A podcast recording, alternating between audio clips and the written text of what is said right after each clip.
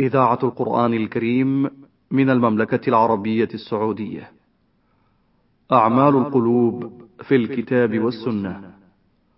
برنامج أسبوعي من إعداد وتقديم الدكتور عبد الله ابن وكيل الشيخ تنفيذ عبد الكريم المجحد. بسم الله الرحمن الرحيم. الحمد لله رب العالمين والصلاة والسلام على أشرف الأنبياء والمرسلين نبينا محمد صلى الله عليه وعلى آله وصحبه أجمعين. أما بعد أيها الأخوة المستمعون السلام عليكم ورحمة الله وبركاته وبعد.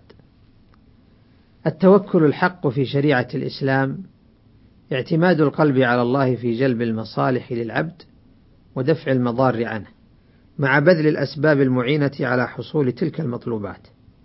واجتماع هذين الأمرين في نفس المكلف أعني اعتماد القلب وبذل الأسباب من كمالات هذه الشريعة التي تربط العبد بربه وتعمر الأرض التي يسكنها بكافة أنواع العمارة المعنوية والحسية. وقد عالج هذا الأمر رسول الله صلى الله عليه وسلم عندما استشكل الأمر بالجمع بينهما، فلما قال صلى الله عليه وسلم: ما منكم من أحد إلا وقد كتب مقعده من الجنة ومقعده من النار. قال بعض أصحاب رسول الله صلى الله عليه وسلم: أفلا نتكل؟ فقال صلى الله عليه وسلم: اعملوا فكل ميسر لما خلق له. ثم قرأ: فأما من أعطى واتقى وصدق بالحسنى الآية. أخرجه البخاري ومسلم. فكشف صلى الله عليه وسلم بهذا الجواب أن التوكل لا ينافي العمل بل إن التوكل الحق هو الذي يقتضي العمل كما في قصة ذلك الرجل الذي سأل رسول الله صلى الله عليه وسلم عن أمر ناقته فقال يا رسول الله أعقلها وأتوكل أو أطلقها وأتوكل؟ قال أعقلها وتوكل رواه الترمذي. ومن المقرر شرعا أن المؤمن مطلوب منه أن يتوكل على الله في تحصيل رزقه ولكن ذلك لا يمنعه من الكسب. ولهذا قال الحق سبحانه هو الذي جعل لكم الأرض ذلولا فامشوا في مناكبها وكلوا من رزقه وإليه النشور. وقد قارن الله عز وجل بين التعبد وطلب الرزق فقال فإذا قضيت الصلاة فانتشروا في الأرض وابتغوا من فضل الله.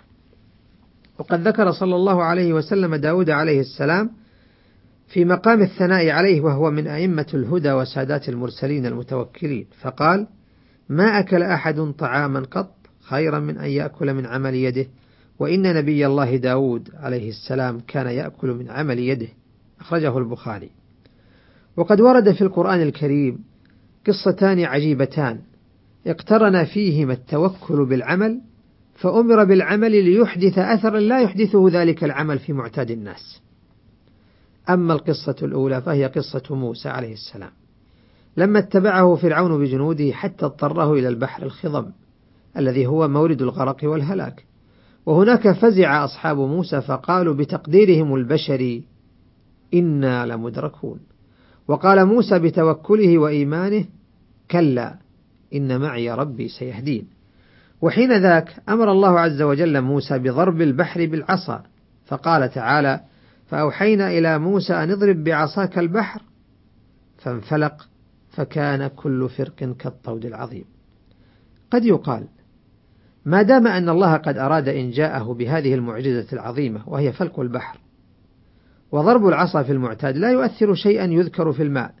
فلما أمر موسى بذلك؟ إن موسى عليه السلام أمر بذلك لحكم عظيمة لعل منها تقرير هذه الحقيقة وهي أن التوكل على الله لا ينافي فعل الأسباب فليفعل السبب الذي يستطيع والله يوجد الأمر الذي أراد. كما قال تعالى وما رميت إذ رميت ولكن الله رمى. والقصة الثانية قصة مريم العذراء عليها السلام فهي تضع وليدها وليس حال وليس حال للمرأة أضعف من حالها وهي تعالج المخاض وتلد وليدها. فقواها واهنة وأعضاؤها فاترة وحيلتها منقطعة. قال تعالى فأجاءها المخاض إلى جذع النخلة قالت يا ليتني مت قبل هذا وكنت نسيا منسيا فناداها من تحتها ألا تحزني قد جعل ربك تحتك سريا وهزي إليك بجذع النخلة تساقط عليك رطبا جنيا إن هذا الأمر بهز جذع النخلة الذي لا يحركه الأقوياء الأشداء لامرأة في حالة الضعف هذه يدل على أنه تعليم من الحق سبحانه للتوكل الحق الذي يجمع بين اعتماد القلب وبذل السبب. ولما جاء القرآن يلفت النظر إلى هذا إلى هذين المشهدين التاريخيين جاء من كلام المصطفى صلى الله عليه وسلم لفت النظر أيضا إلى ظاهرة في الأحياء يراها الناس بين أعينهم كل حين. فيها الجمع بين قطبي التوكل أعني الاعتماد على الله وبذل الأسباب. أخرج الترمذي بسنده عن عمر بن الخطاب رضي الله عنه أنه قال قال رسول الله صلى الله عليه وسلم لو أنكم كنتم توكلون على الله حق توكله لرزقتم كما يرزق الطير. تغدو خماصا وتروح بطانا قال الترمذي هذا حديث حسن صحيح. قال المناوي أي تغدو بكرة وهي جياع وتروح عشاء وهي ممتلئة الأجواف. فالكسب ليس برازق بل الرازق هو الله تعالى. فأشار بذلك إلى أن التوكل ليس التبطل والتعطل. بل لا بد فيه من التوصل بنوع من السبب لأن الطير ترزق بالسعي والطلب. ولهذا قال أحمد ليس في الحديث ما يدل على ترك الكسب بل فيه ما يدل على طلب الرزق.